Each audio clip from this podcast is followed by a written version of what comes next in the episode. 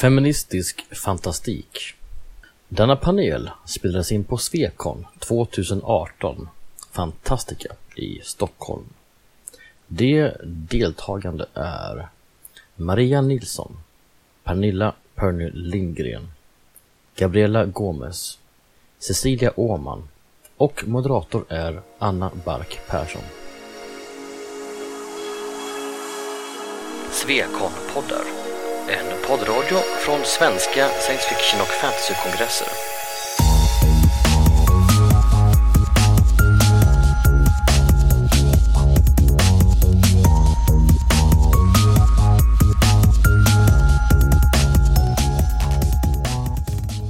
Eh, välkommen till Feminism i fantastik. Eh, vi ska diskutera ja, feminism i fantastik och hur det tar sig uttryck och vad det finns för trender och eh, ja, olika typer av, av yttringar av hur denna tematik eh, tar sig form i eh, de här olika genrerna som ryms inom fantastikbegreppet.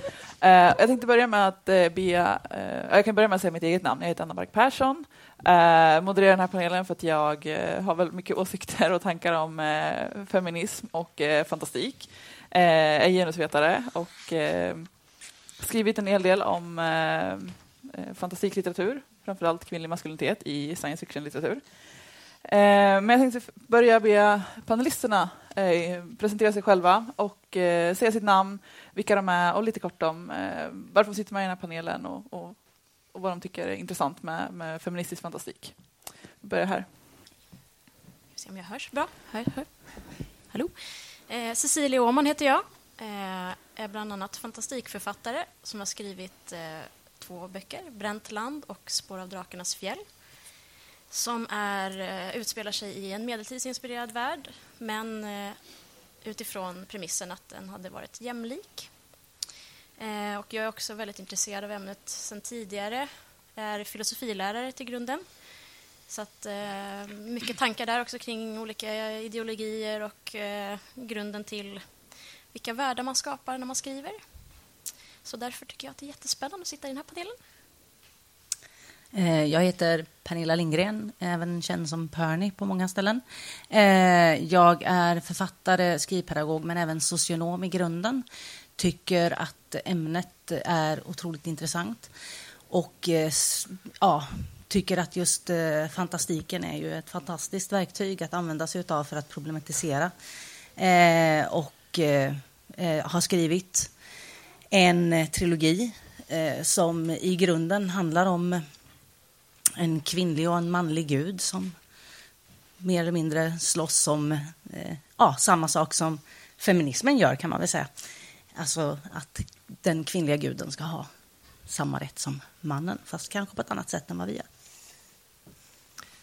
Hej, jag heter Gabriella Gomes och eh, jag har både pluggat diverse genusstudier och lite mangastudier och annat.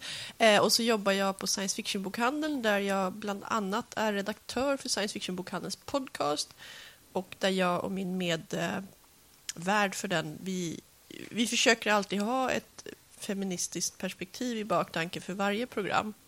Sen har vi också gjort några specialarprogram om hbtq-tema och sådär. Men, ehm, och jag, när jag läser böcker också så plockar jag och väljer. Man hinner inte läsa allt så jag väljer hellre sånt med kvinnliga författare eller viktiga kvinnliga roller eller som på annat sätt gör någonting nytt där. Eh, och jag heter Maria Nilsson och är litteraturvetare och jag sitter väl här kanske lite främst för jag har skrivit den här boken som heter Feministisk fantastik för BTJs förlag. Eh, och den kom faktiskt till därför att jag var på Svekom för fem, sex år sedan och satt i en panel om feministisk fantastik.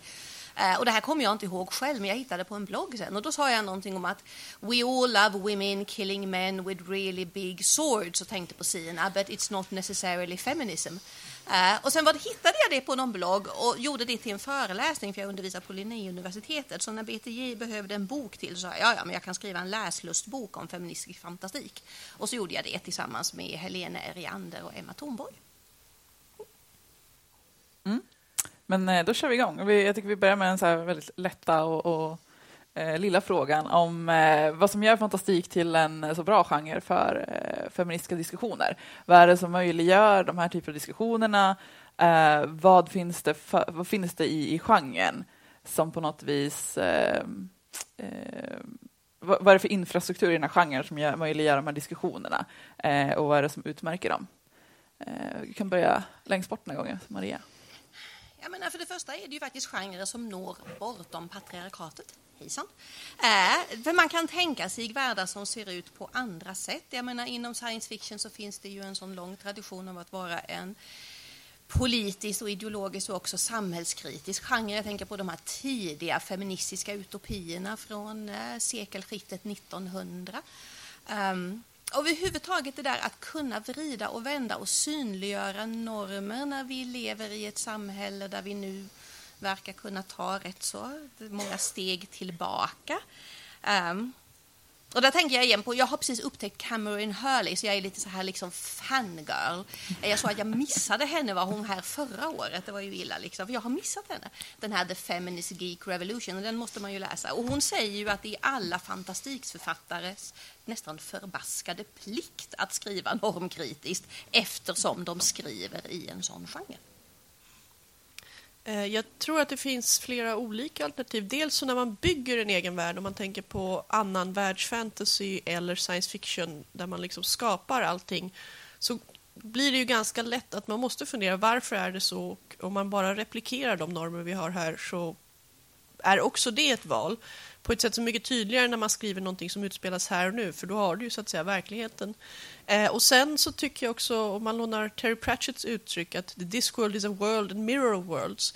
I och med att vi speglar vår verklighet. Alla science fiction och fantasyböcker gör ju det. Man kan titta på när är de skrivna, är det atomskräcken, är det den utopiska socialismen och så vad är det de för, liksom har för idé? Så kan man också visa folk olika alternativ på ett sätt som kanske är lättare att ta till sig än när man säger att du, där gör något fel nu. Utan man säger, men tänk om det var så här i en annan värld där alla dessutom är talande hästar. Och då blir det ibland lättare att få in svårsmälta idéer.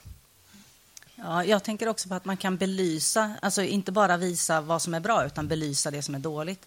Om, om, man skriver en som utspelar sig i våran värld med de problem vi har i våran värld så kanske man inte ser problemen för vi är ju mitt i dem och det är helt normalt för oss. Men om man lägger dem i en helt ny kontext fast man har samma problem fast mellan ja, helt andra typer av eh, eh, varelser, då, då kan man se problemet på ett annat sätt och känna att det där är ju jätteorättvist. Varför fick inte den göra det samma som den andra? Och sen kan man lägga över, ja just det, det är ju faktiskt så det är här. Och som när man skriver och som författare också så är det ju de här möjligheterna man har. att Jag kan ju skapa min egen normalitet i min värld. Så jag kan utgå från något, eh, att, ja, till exempel att det finns total jämlikhet eller man kan eh, leka runt med massa konventioner kring till exempel när det gäller identitet och kropp. Eh, alltså, du har ju alla möjligheter att skapa personer som är mer flytande i sin identitet och eh, eh inom science fiction till exempel också att eh, olika alltså helt andra koncept om hur det är att vara människa också. Eh, så att eh, det ger ju otroliga möjligheter som författare och det är intressant som ni sa, nämnde tidigare här, att, att eh, man verkligen måste förhålla sig till det också som författare. Att tänka på när man skapar sina världar och sina samhällen. Vad, hur ska jag bygga upp det? Eh, vad har jag att förhålla mig till sen tidigare? Det är mycket det som är trevligt, att man kan bryta mycket mot konventioner. Man behöver inte förhålla sig till hur det ser ut idag. Eller skriver man någonting som är inspirerad av andra tidsepoker så behöver man inte utgå från att det ska se ut på den medeltiden som vi har haft eller den vikingatid vi har haft. Eh, utan eh, det finns så många möjligheter. Det är det som är så kul med fantastikgenren.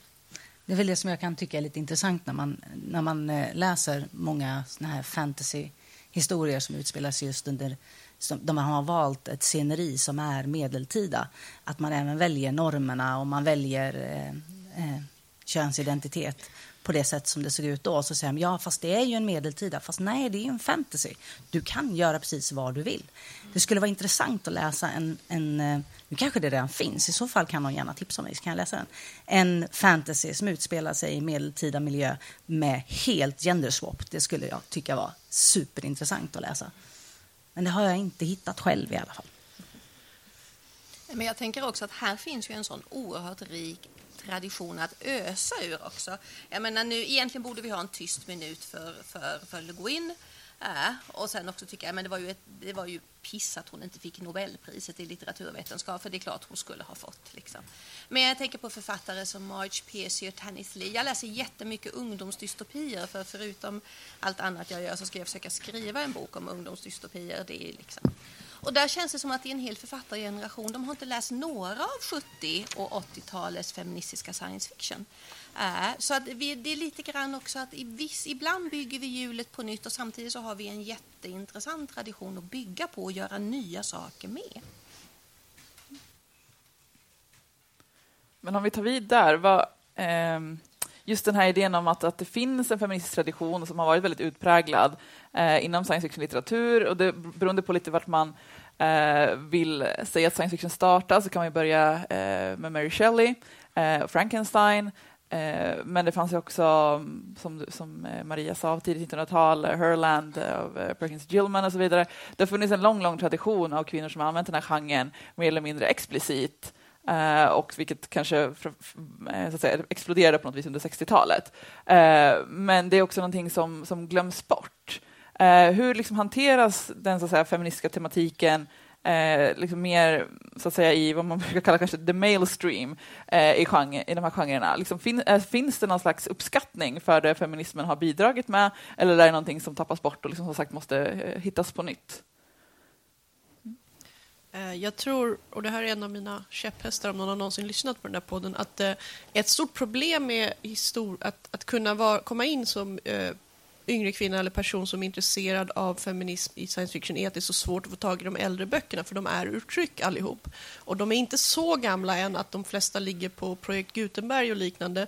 Det trycks om i massor ja, the mainstream i de här uh, science fiction classics. Det fanns även uh, masterworks of science fiction och fantasy masterworks. Och de exkluderar väldigt tydligt kvinnor. Man kan titta på listor och det finns liksom två Legin och de första 30 böckerna och ingen annan kvinna.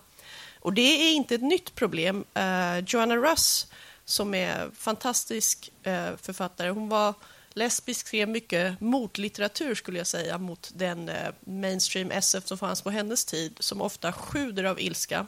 Och hon skrev även How to suppress women's writing som är en satirisk guide till det.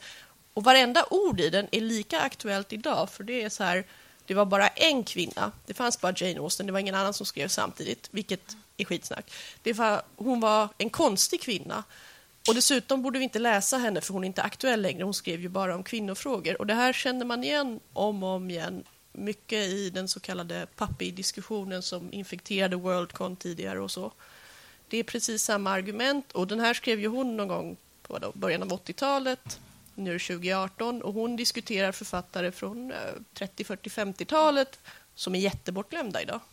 Och där de som har funnits som The Women's Press och Virago de har ju sen försvunnit. Eh, och det, jag menar, vi har Rosenlarv förlag som har plockat upp en del av tidig feministisk svensk litteratur. Men de har jättesvårt att klara sig. Eh, och där tänker jag också, förutom eh, som är ju samtida med Russ, så, så har faktiskt Le Guin ett sånt där tal där hon säger till blivande författare på ett amerikanskt college till tjejerna så säger hon att ja, men det är ju faktiskt så att ska ni klara er som författare så måste ni dels vara unga och snygga, gärna ha en eh, dramatisk kärlekshistoria med en känd man och sen, och då är hon ju cynisk, ta livet av er på ett gärna dramatiskt sätt. Eh, för då kommer ni att gå till eftervärlden och då kanske det finns en chans att era böcker kommer att fortsätta liksom att leva. Eh, och det är ju lite cyniskt, men det ligger en liten sanning i det kan man kanske tänka sig att många som skriver idag de är då ändå lite frånkopplade från alltså att man inte riktigt har den här historiska eh, litterära kopplingen. Men då blir det kanske mer som en... För det är väldigt många som skriver idag som är kvinnor och som reagerar tror jag på att mycket av den litteraturen man själv har läst eh, som yngre eh, inte uppfyller de eh, önskningar man själv har på litteraturen. Att det inte finns några representationer som man eh, själv har velat ha. Eh, det har saknats väldigt mycket kvinnor i allmänhet. Plus att det har varit mycket inom fantastik, att det, att det har legat kvar mycket av de traditionella eh, värderingar eh, som har levt kvar mycket. Att man bygger, bygger vidare på det. Så att, eh, absolut, det blir lite frånkopplat. Så det blir mer som en reaktion på det man kanske själv har saknat då. Det som kommer idag. Eh, det är ju också en grej på något sätt med att under 70-talet så återupptäckte man feministiska verk som man sa, men de här är ju bra, låt oss trycka dem igen. Och det händer nu med böcker från den tiden. Eh, så att det finns, det finns en vilja och det kommer liksom hela tiden nya personer, men i och med att mainstream bara låter böckerna sjunka undan blir det ett, blir det ett extra arbetsmoment.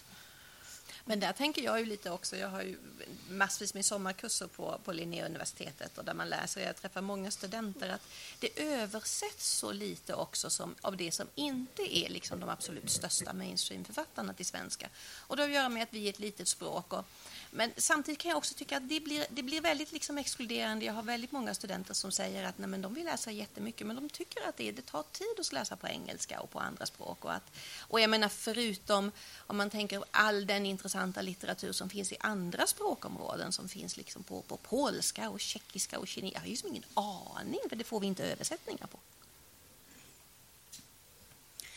Jag vet inte, jag bara tänker på det här när det gäller att, eh, med böckerna och leva vidare. Eh, det är ju någonting som det talas jättemycket om också, det här med eh, när det är en manlig författare så skriver han för alla, men en kvinnlig författare skriver för kvinnor. Och jag tror att det är väl en tröskel vi verkligen måste komma över för att, för att böckerna ska leva vidare. För det är ju lite det att eh, det tror jag är väl en, ett av de största motstånden när det gäller kvinnliga författare, att, att faktiskt få vara författare för alla. Då blir de... Ja, nu, nu säger jag det självklara, kände jag, men jag vill ändå säga det så att det inte missas. Det är kanske inte alltid så självklart att man tänker att när man pratar feminism i fantastik till exempel, då, då kanske många tänker att man fokuserar på just kvinnornas roll. Men det handlar ju lika mycket om att skriva mäns, eh, männens roll, vad ska jag säga, mansrollerna eh, mer nyanserade eh, och mer intressanta på många olika sätt. Så att det handlar inte bara om att lyfta fram eh, kvinnor och hjältar och alla möjliga sådana saker, utan det handlar också om den andra, andra sidan. Eh, den är ju lika viktig, tänker jag. Där kan jag, känner jag rekommendera ehm, kanske Jon Harlis Machineries of Empire-serie som är i grunden alltså komplicerad eh, militär SF-rymdopera om en fruktansvärd teokrati som torterar folk för att upprätthålla sina mattemagiska rymdvapen. Men där alla personer har... Eh, det det är en väldigt mångfald i eh, könade kroppar, i, i vad heter det, ja, vilken genusval man har gjort och det är också en stor diskussion om vad är mänskligt, vad är icke-mänskligt i och med att det finns en slags robotar som är betydligt intelligentare än de flesta förstår. Och eh, personer som liksom går över olika gränser eh, på väldigt... Utan att det, det är inte en sån här... Det är inte det som är idén, ska jag säga. Utan idén är just att ja, men det finns en ond teokrati och de torterar folk. Vad kan vi göra åt det? Eh, och den är, den är väldigt bra att läsa. Däremot bör man ha läst lite militär SF eller rymdopera tidigare för man slängs ganska snabbt in i komplicerad liksom, krigsscen och man bara, vad händer nu? Men det tror jag fattar ungefär. Men eh, väldigt läsvärd och jag tycker den gör just det, den lyfter upp både olika kvinno och man och icke-binära roller på ett väldigt naturligt sätt. Och tredje boken, eh, första boken heter mm, Nine Fox Gambit, precis. Och tredje boken kom i typ förrgår. Det är intressant när det kan bli mycket mer flytande också mellan kön. Att det är liksom egenskaper, personligheter, att det inte har eh, att göra med... Alltså att man tänker att det är mer personligheter och att man inte behöver fokusera på ett kön just. Och just det att man kanske inte ens behöver veta... Varför behöver man veta vad ka- huvudkaraktären har för kön? Eller, eller karaktären har för kön? Kanske inte behöver vara någon... Det behöver inte ens vara viktigt att veta. Jag tycker att man kan leka med alla möjliga varianter. Mm. Jag jobbar ju, eh, har jobbat med barn eh, och haft mycket läsning med dem och skrivning. Och eh, då skrev jag en, eh, en bok som jag hade lite högläsning för dem. Och då var det ett barn som hette Janis. Jag tänkte Janis Joplin var det. Så för mig var det en typisk tjej. Eh, men hon var väldigt handlingskraftig och hon sa emot och hon käftade. Och när jag, när jag då läser hon så var det jättemånga som reagerade och sa men det där är ju en kille. Så här, nej, det är det verkligen inte. Just för att då tyckte jag det var ännu viktigare att verkligen poängtera, så jag funderade på att byta namn Så att det skulle vara väldigt, om man säger så, kvinnligt könat namn. Men jag kom fram till att nej, det skulle jag inte göra. Men just den här reaktionen. Att, och då var det många tjejer i den klassen som var väldigt, väldigt typiskt som hon. Men ändå, i, när man läser så förväntar de sig att det ska vara en kille som beter sig på det sättet. Så det, det är väl just det här med eh, vad man har för roll och vad, vad det innebär att vara kille eller tjej som kan vara viktigt. Då. Och jag tänker man kan ju göra. Jag har precis upptäckt också Fox Meadows. Har ni läst henne? För jag hade inte läst henne innan. Hon är fantasyförfattare och hon leker ju och hon skriver också om, om annorlunda Eh, typ av maskuliniteter. Foss eh, är hen. Förlåt? Eh, Foss pronomen är hen. Ja, men titta. Äh, för jag, hade inte läst äh, den här författaren och jag tycker att äh, de böckerna är mycket intressanta. Och hon, eh, hen har också en diskussion mot jag menar, varför premierar vi alltid monogama förhållanden? Är det det som gör oss lyckliga? Eh, man kan ju faktiskt tänka sig att eh, man är minst lika lycklig i ett annorlunda typ av förhållanden. Ehm, så att, eh, det, det finns ju mycket man kan göra med genren. Eh, jag sitter och funderar på just liksom hur mycket jag har läst. För någonstans kan jag väl tycka att jag har, jag har lättare att ge mängder med, med författare inom om science fiction och jag har färre fantasyförfattare eh, på ett vis. Men där tycker jag att det händer väldigt mycket inom fantasy just nu och jag vet inte vad ni säger. Är det bara det att jag har missat liksom en, en, en hel generation med fantasyförfattare? Därför jag menar någonstans liksom att, jag menar, nu kommer det många tycker jag som gör intressanta saker som Melinda Lo till exempel. Men, äh, men, men sådana som är, det är som att det finns ett, ett gap mellan Le Guin och, och de som skriver nu.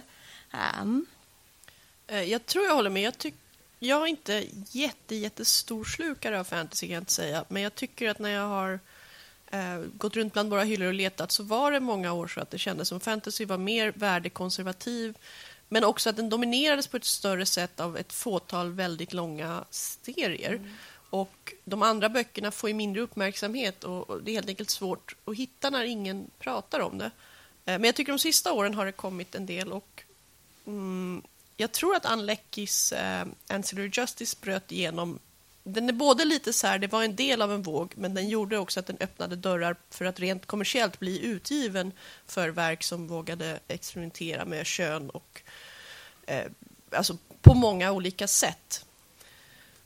Eh, mm, och det, Ja, alltså, ehm, så, det, det är så mycket som är dominerat av eng, alltså engelskspråkig litteratur Mm. och som ni säger, som vit litteratur. Eh, men vi har också eh, vi har ju väldigt många svenska författare nu som kommer fram. Alltså, eh, som jag tror många eh, utgår ifrån att, att man ska tänka mer kring de här frågorna när man har skapat sina, sina böcker. Så det är en otroligt rik eh, eh, vad ska man säga, grupp som kommer fram nu, tror jag. Eh, men också att det börjar uppmärksammas lite mera från andra länder. Så att det kanske är på uppsving lite grann. Man hoppas att det blir lite mer di- diversifierat. För där tänker jag lite grann just med ungdomsdystopin att det har ju börjat komma en våg till exempel med ungdomsdystopier som ifrågasätter, som är mer queera, men de kommer på små förlag. De kommer på små förlag, de är, ibland är det egen publicering och de kan ju spridas, de kommer som e-böcker. Eh, och ibland, för ibland kan jag träffa på människor som säger ja men nu liksom, det börjar luckras upp och titta och det händer jättemycket. Ja, men på de stora förlagen där är det ju fortfarande väldigt likartade texter och sådana texter som man har sett ja, sen jag började läsa ungefär, där hände det kanske inte lika mycket. Ehm, det kommer en undervåg underifrån, liksom, men då gäller det ju att hitta de titlarna, för de hittar man kanske inte på Akademibokhandeln, för där finns de inte. Ehm, Ja, men det finns det någon genre som det finns så mycket egenutgivare som fantastik? Är romance. romance, okej. Men det känns ju som den, liksom, det är där det finns så himla många som ger ut på egen hand för att det traditionellt har varit sånt motstånd mot den genren från större förlag. Eh, och att det ska det vara någon fantastik, då ska det vara på engelska. Eh, så att, ehm, ja, det är ju eh, lite problematiskt hur man ska få fram de här författarna som har massa intressanta historier. Det, ett sätt är ju att gå upp i, i rummet här Ja, uppe. Eh, för där uppe finns det jättemånga svenska eh, Eh, fantasy och science fiction-författare. Och många bryter de här reglerna som som, som ligger kvar gammalt. Eh, så att det är väl ett av de ställena. Så här har man ju en jättechans att botanisera. Jag tror också, um, om man tittar på internationellt sett så har ju internet och den spridning det innebär, den möjligheten att, att knyta, att möta folk liksom, som kanske inte bor geografiskt nära, varit väldigt viktig. Och om man som jag har varit aktiv i den engelskspråkiga Harry Potter-fandomen i ungefär 15 år så ser man nu en helt gäng författare som kommer därifrån och som övade på sitt skrivande i den miljön. Alltså Holly Black, Enko Jemisin, uh, eh, vad heter hon? Naomi Novik, flera andra. Uh, Jada Jones som skrev under samma namn till och med och liksom tackar sina fanfic-läsare i förordet till sin bok Have Mercy som för övrigt också innehåller eh, flera queera män.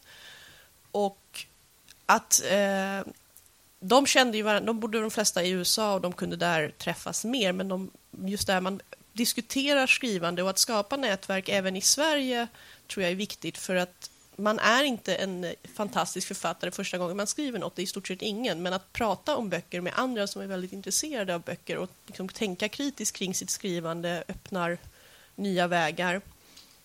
Um, och det, där, det är ju också mycket medvetet. Om man tittar på feministisk historia så har det ju varit en stor just det här medvetandehöjning, sitt och prata om det, liksom, tänk efter vad är det ni gör. Och jag tycker att just nu ser jag mer av det i svenska seriekretsar där, där det finns liksom alla, vad är det, vad heter den här antologin, alla kvinnor skriver bara om mens som kom ut. Liksom. Mm. Och, och det kommer nu en om metoo som precis fick sin Kickstarter, liksom the, the line eller the edge of the line eller någonting. Och där, när man verkligen aktivt jobbar med att vi ska prata med varandra, vi ska tänka tillsammans, vi ska ge varandra kritik på ett, liksom, ett bra kritik och därmed ska vi lyfta det vi gör. Då kan inte jag låta bli det eftersom jag är lärare och medelålders och helt yrkesskadad. Då måste jag tipsa. Det har kommit en jätteintressant ny avhandling om serier av Nina Ernst som heter någonting att skriva sitt jag eller något. Men Nina Ernst, den ska ni läsa med e. Hon har sina egna bilder i avhandlingen också. Superintressant. Ja. Mm. Men vi satt, och, vi satt och pratade lite grann tidigare om Naomi Alderman, The Power. Har ni läst den? Därför att den fick ju, har ju fått rätt mycket liksom uppmärksamhet och är ju definitivt mainstream. Och jag kan väl tycka, jo men den, jag skriver om den, för jag skriver mer om sådana här böcker som man faktiskt hittar på Akademibokhandeln men som kan vara intressanta eh, i den här boken än, än någonting annat. Och, och den är ju en intressant roman. Liksom. Men sen å andra sidan kan jag då tycka, liksom, mitt, mitt cyniska jag kan tycka ja, och den säger att kvinnor bara för att de har livmoder är inte gulliga och pluttiga och de kan vara minst lika våldsamma och aggressiva. Ja, var det något nytt? Liksom. Men, men samtidigt så den, den typen av texter behöver vi ju också i denna Marvel-värld vi lever i. Det liksom. Men känns det som att det var lite, lite längre tillbaka i tiden, då var det när man liksom skulle fokusera på eh, det feministiska, att eh, då skulle man på något sätt lyfta upp de här lite traditionella kvinnliga värdena, liksom mm. det här lite mjukare sättet att, eh, att det var ett motstånd mot våld och att ett annat alternativ, att man kanske att våld det var något, en manlig arena och liksom kvinnorna kunde syssla mer med diplomati eller eh, att, ett avstånd från våld. Eh, nu kanske man alltså man tänker sig lite som två riktningar på den här.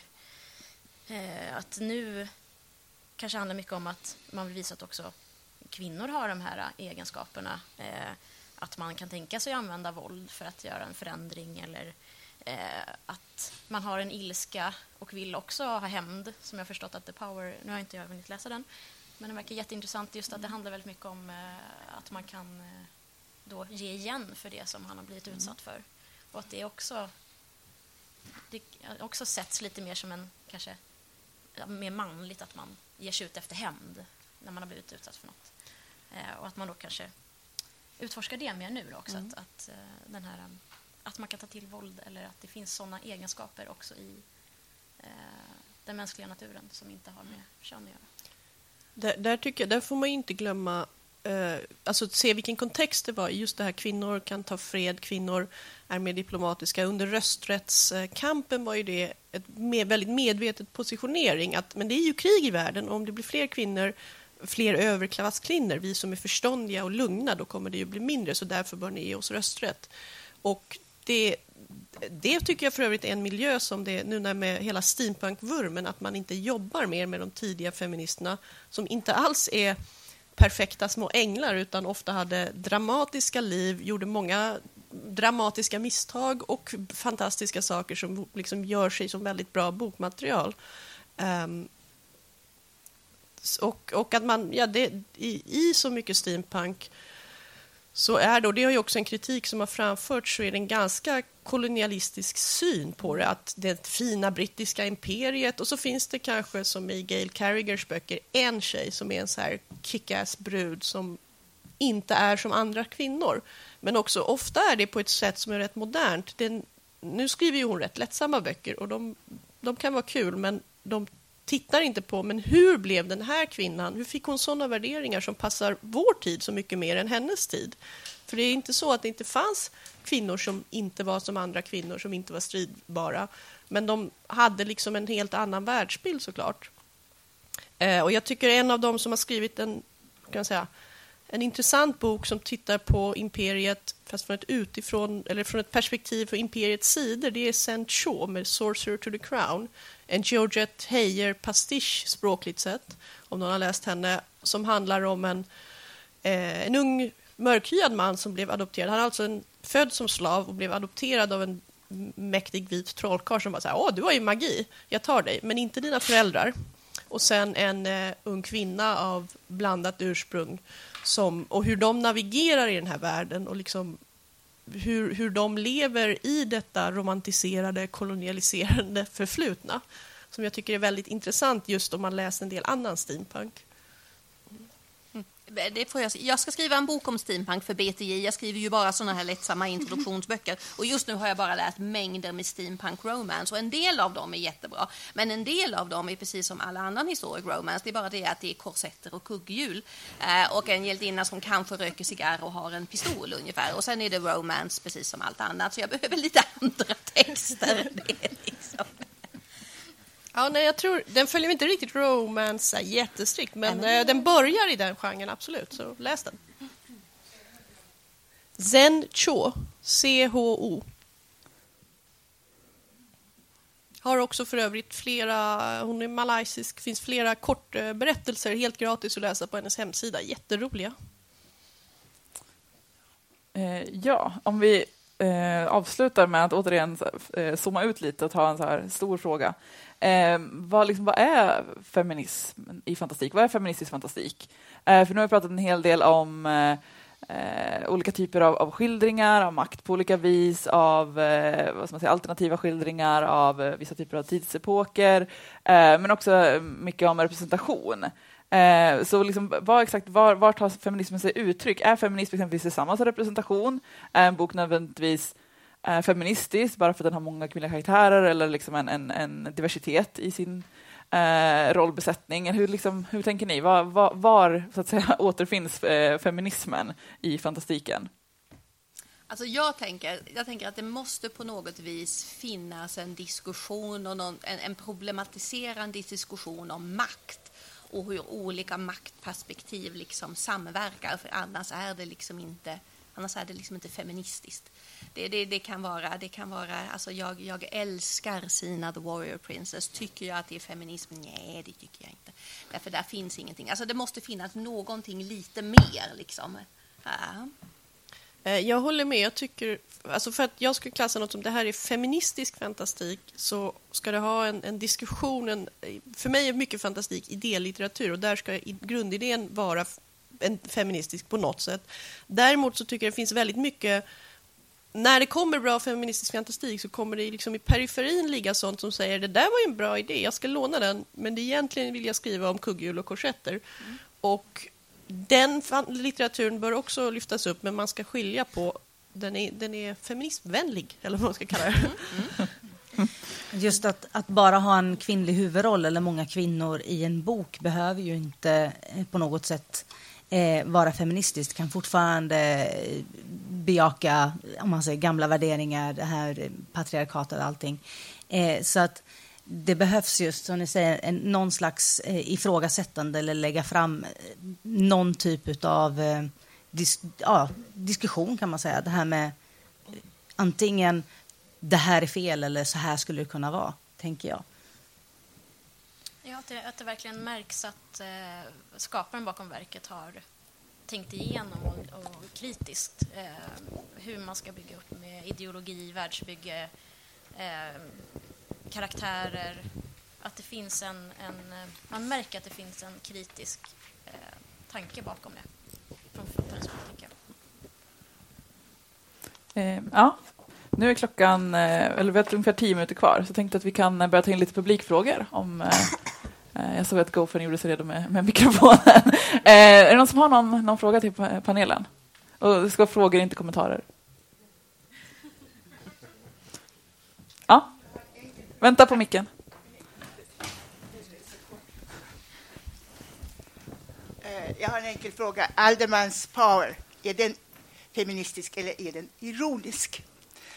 Man har ju magisk, en magisk förmåga med, med krafter som kommer ur fingrarna. Man dödar män på löpande band och den kvinnliga politikern är, minst lika skum som någon man. Jag trodde först att den var superfeministisk, men på slutet så uppfattade jag den som ironisk. Hur, hur, jag skulle tycka att man kan definitivt läsa den ironiskt. Och det, för mig känns det också som att det är en, att man, ja, men speciellt nu när man ser tv-serien av The Handmaid's Tale så fylls man av en sån vrede och ungefär man vill liksom bara slå ihjäl allihopa. Typ. Och det är ju inte vidare produktivt, men det, det känns som att den boken är liksom lite född ur den typen av vrede och mer som ett tankeexperiment egentligen än som en kanske mer jätteintressant roman. Man dödar höger och vänster. Man har fått den där kraften i fingrarna. Man sprutar, dödar, strålar. Jag uppfattar inte riktigt titeln på boken. The power. Jaha. Det par, no, den har kommit på svenska hos er, såg jag alldeles nyss. Makten heter den. Jag, har- nu har inte jag läst boken, men jag tänker temat, det här med att på något sätt sätta redskap i händer på kvinnor som gör att de liksom kan ta makten över, alltså, över situationer där man kanske annars har varit underlägsen på något sätt. Och nu är man ju enormt överlägsen med den här det, kraften. alltså. det temat är ju väldigt frigörande och feministiskt känns det som. Att det, att man Finns det ett sånt hat i botten hos kvinnor? Jag, jag är inte feminist, så jag vet inte. Jag, jag också tror det är väldigt olika. Man kan inte säga finns det ett sånt hat i botten hos kvinnor. Hos vissa kvinnor finns det ofta. eh, Och man, jag läste bara häromdagen eh, en artikel om att det har aborterats bort så mycket kvinnliga foster i Kina så att det är ett överskott på 50 miljoner män. Och man har liksom valt bort kvinnor. Och hos vissa personer när de läser sånt, jag blev själv, jag blev så här, men vad fan är det för fel på de här människorna? Vad är det för värderingar? Och samtidigt, man, det finns ju personer som har råkat ut för hemska upplevelser och skriver eller gör konst ur denna. Och man behöver inte hålla med om deras vrede, men att den finns är ju inte... Man kan inte säga att men var inte arg men Världen det- är skit, men du, du, du får inte vara arg. Det, det blir väldigt konstigt för mig. Men det är samma sak i Indien, att eh, kvi- eh, kvinnor foster aborteras. Och det beror ju på att barnen ska försörja. Det är mannen som kan förs- försörja. Kvinnan gifts ju bort och hennes man ska försörja den familjen. Så det, det är det, men det, det går snett förstås. Naturligtvis. Men jag menar, jag är i klimakteriet, jag är skitförbannad. Tror ni inte också att mycket ilska kommer av man har varit om det ligger en rädsla i botten också som man haft under en väldigt lång tid för någonting. Var det inte Atwood som sa någonting om att, det är att män är rädda för att kvinnor ska skratta åt dem, kvinnor är rädda att män ska döda dem. Eh, och går man runt med en rädsla under en väldigt lång tid och sen så får man plötsligt något, något redskap att ta kontrollen över rädslan. Det är klart att det kan föda en massa ilska, tänker jag. Just, just den här ilskan också när man eh, med ur The Handmaid's Tale är just den här att det handlar ju om hur, hur skört det är och allt som man har jobbat med och den här självklar, det som man tar som självklart, det vi har här i Sverige. Eh, och så tittar man till exempel då i Kina och i Indien där de aborterar eh, foster bara för att de är flickor. Då, då, den här ilskan är ju också då en rädsla över att hur skört det är. Och man ser den här The Handmaid's Tale. Trump, han har blivit president. SD ligger bra till i Sverige. Då blir man ju förbannad och känner den här ilskan och rädslan över att det ska bli liknande det. Eftersom det, det är inte helt, helt farfetched när man tittar på hur det gick till där. Eller om man läser historia, Nedi Okora Force, The Book of Phoenix, kan ju kalla om en eh, en ung kvinna med så här genetiskt framavlade superkrafter som det utsätts för en massa hemska experiment och kan ju absolut läsas, tror jag det är meningen också, som en enorm ilska över de experiment, de förödmjukelser, de våldtäkter som afrikanska, afroamerikanska kvinnor utsattes för under det långa slaveriet. Och liksom, det är ju hennes historia. Det är väl jag bara utgår från att det är, hon känner folk vars släktingar har råkat ut för det. Hon har själv liksom haft det i sitt förflutna. Och naturligtvis känner hon en stor ilska, framför allt då när politiken ser ut som den gör idag. Och de bara, det är väl inget att snacka om. Jo, jag tänkte den feministiska forskningen och det feministiska idéarvet är ju ganska rikt på många olika teorier och koncepter. Är det, är det några idéer eller så som ni känner är frånvarande eller underrepresenterade i den eh, feministiska eh, litteraturen? Alltså jag tänker att det händer mycket nu till exempel, och det, det, har ju funnits länge, men jag håller precis på att läsa in mig mer på krypteori, alltså alla de här föreställningarna vi har om vad en normal kropp är och, och synen på funktionsvariationer. Och, och där är ju både science fiction och fantasy en det finns jättemånga intressanta texter som, eh, som problematiserar. Så jag menar någonstans jag menar, det har ju funnits, jag menar, när feminismen började så är det klart att man fokuserade jag menar, på de borgerliga kvinnornas rättigheter men sen har det ju växt så väldigt och nu är det ju ett sånt gigantiskt fält. Uh, så det, och sen finns det ju säkerligen jätteviktiga perspektiv som vi missar nu också, det är jag helt övertygad om. Ja, alltså jag skulle säga i, i det som mainstream publiceras så är det såklart den feministiska tradition som kommer från icke-engelskspråkiga länder, alltså från, mm. inte från USA och inte från England. Um, vi kan tipsa om en till en Facebookgrupp som heter African, uh, vänta, African Science Fiction and Fantasy Reading and Writing Group där det är African Science Fiction Fantasy Reading Group. Eh, där det helt enkelt massa personer med, från Afrika skriver liksom här har jag lagt upp en novell, här är jag med i en tävling, här finns det att läsa online, här är min bok att köpa. Eh, och det är inte en feministiskt fokuserad grupp så, men att höra olika röster gör ju att man kan hitta andra typer av feminism. Och liksom, jag vet inte hur den franska feministiska science fictionen ser ut, för den finns inte översatt till något språk som jag kan. Men jag är säker på att den finns. Mm. Eh, Eh, en fråga.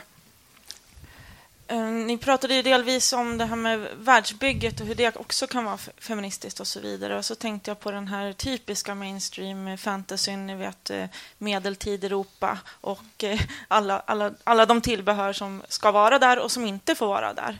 Och jag tänkte hur den typen av fantasy, hur tänker ni att den skulle kunna skrivas på ett annat sätt, kanske mer feministiskt sätt. Det är det jag har gjort då. då. Ja.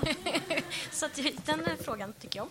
Ehm, jo, nej, men alltså ehm, absolut, det är ju en sån, det är ju sån, verkligen en um, miljö som, som har präglats av väldigt traditionellt, att man utgår ifrån som sagt den medeltid som vi har haft. Vi satt ju och pratade lite grann om det också innan här, att till exempel på vikingatiden så har man ju kommit fram till att vi var mer ganska jämlika på många sätt. Kvinnor var med och stred jämte männen, bland annat. Eh, och sen är det ju så intåget med religion då, som har gjort att, att mycket att könsrollerna har eh, ändrats och eh, normerna har ändrats. Eh, sen är det ju så att det är så skönt, kände jag när jag skulle skriva då, att ja, men jag tänkte så här att ja, men jag, jag gillar Eh, jag gillar hela genren med när det gäller liksom svärd och magi och lite sånt där. Liksom att man kan ha det inbakat i samma. Eh, men varför inte utgå från att man inte har den här religiösa tanken om att kvinnor och män är väldigt skilda varandra. Att kvinnor eh, framför allt har med barnafödande och liksom uppfostra det vidare. Eh, att den föreställningen bara inte finns. Utan att det bara utgångspunkten är att män och kvinnor är jämlika eh, vissa män vill inte strida, då kan ju, då, då, finns, men det finns kvinnor som kanske är, kan göra det. Att det finns de här valmöjligheterna, att man eh, inte ser att det, det, gör ingenting att kvinnor offrar sig på ett slagfält för att det viktigaste är inte att de ska föda barn, utan att det är de att de strider för sin frihet till exempel. Så att, ehm, eh, jag tänkte väldigt mycket på det när jag, när jag skapade mitt. Att man kan, jag har ju alla möjligheter i världen att skapa den världen jag vill. Varför kan jag inte bara skapa den jämlik från början? Helt enkelt. Så att, um, sen... Um, kommer jag inte riktigt ihåg vad frågan var nu, men jag blev så himla... Jag blev så glad. Jag vill prata, prata om min bok. Då fick du svar på din fråga. Ja. Jag tänkte att man kan lägga till, eh, jag vet inte om jag skulle kalla det feministisk bok, men Stark kvinnlig krigare i Paxenarion av Elisabeth Moon. Och hon har ju bara sagt att det finns eh, p-pillerörter. Du, det finns en ört som står på bordet bland alla soldater och då är det inget problem med kvinnor får inte barn när de inte vill och det har förändrat världen och gjort den ändå mer jämlik. Jättebra bok. Där dessutom är helt accepterat att man är asexuell och att, man inte, att det behöver inte finnas eh, romantiska relationer eh, med det motsatta könet utan det finns eh, alla möjliga typer av relationer men det finns också helt accepterat att inte vilja ha någon relation överhuvudtaget i de böckerna. Så det är en av mina favoriter också. Och jag tycker, har man inte läst Tamora Pierce alla andra böcker så kan man alltid läsa om dem. Där till vi till och med har, det är ju väldigt, väldigt sällan, men där har vi faktiskt en menstruerande hjältinna. De får ju nästan aldrig ha mens i fantasy.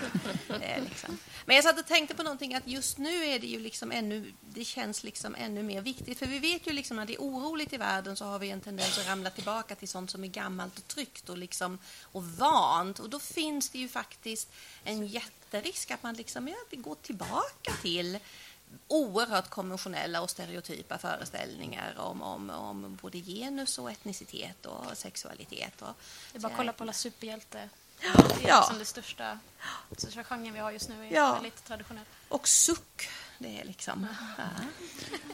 Men Jag tänkte också på det här med, med frågan hur man kan göra eh, när, om man har en medeltida setting.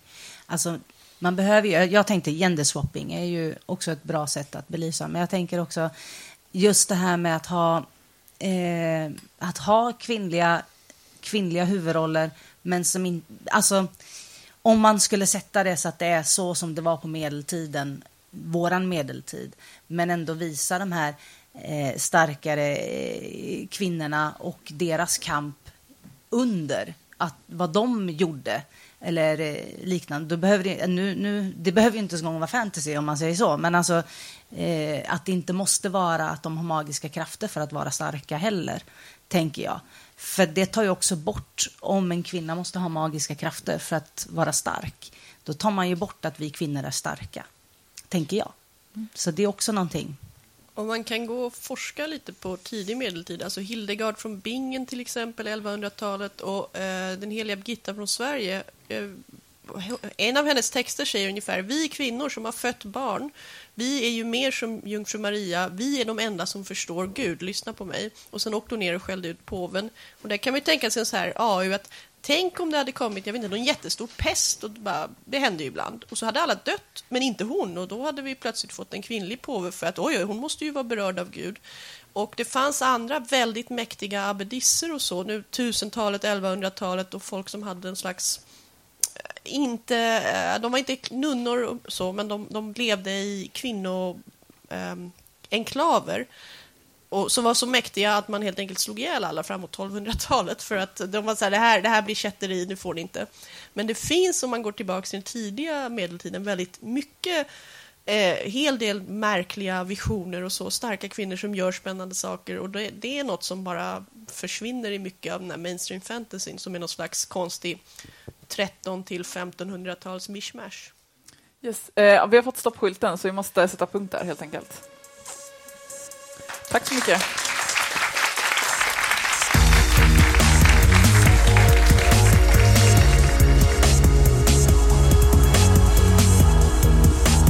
Musiken av Psychedelic Pedestrian från Free Music Archive.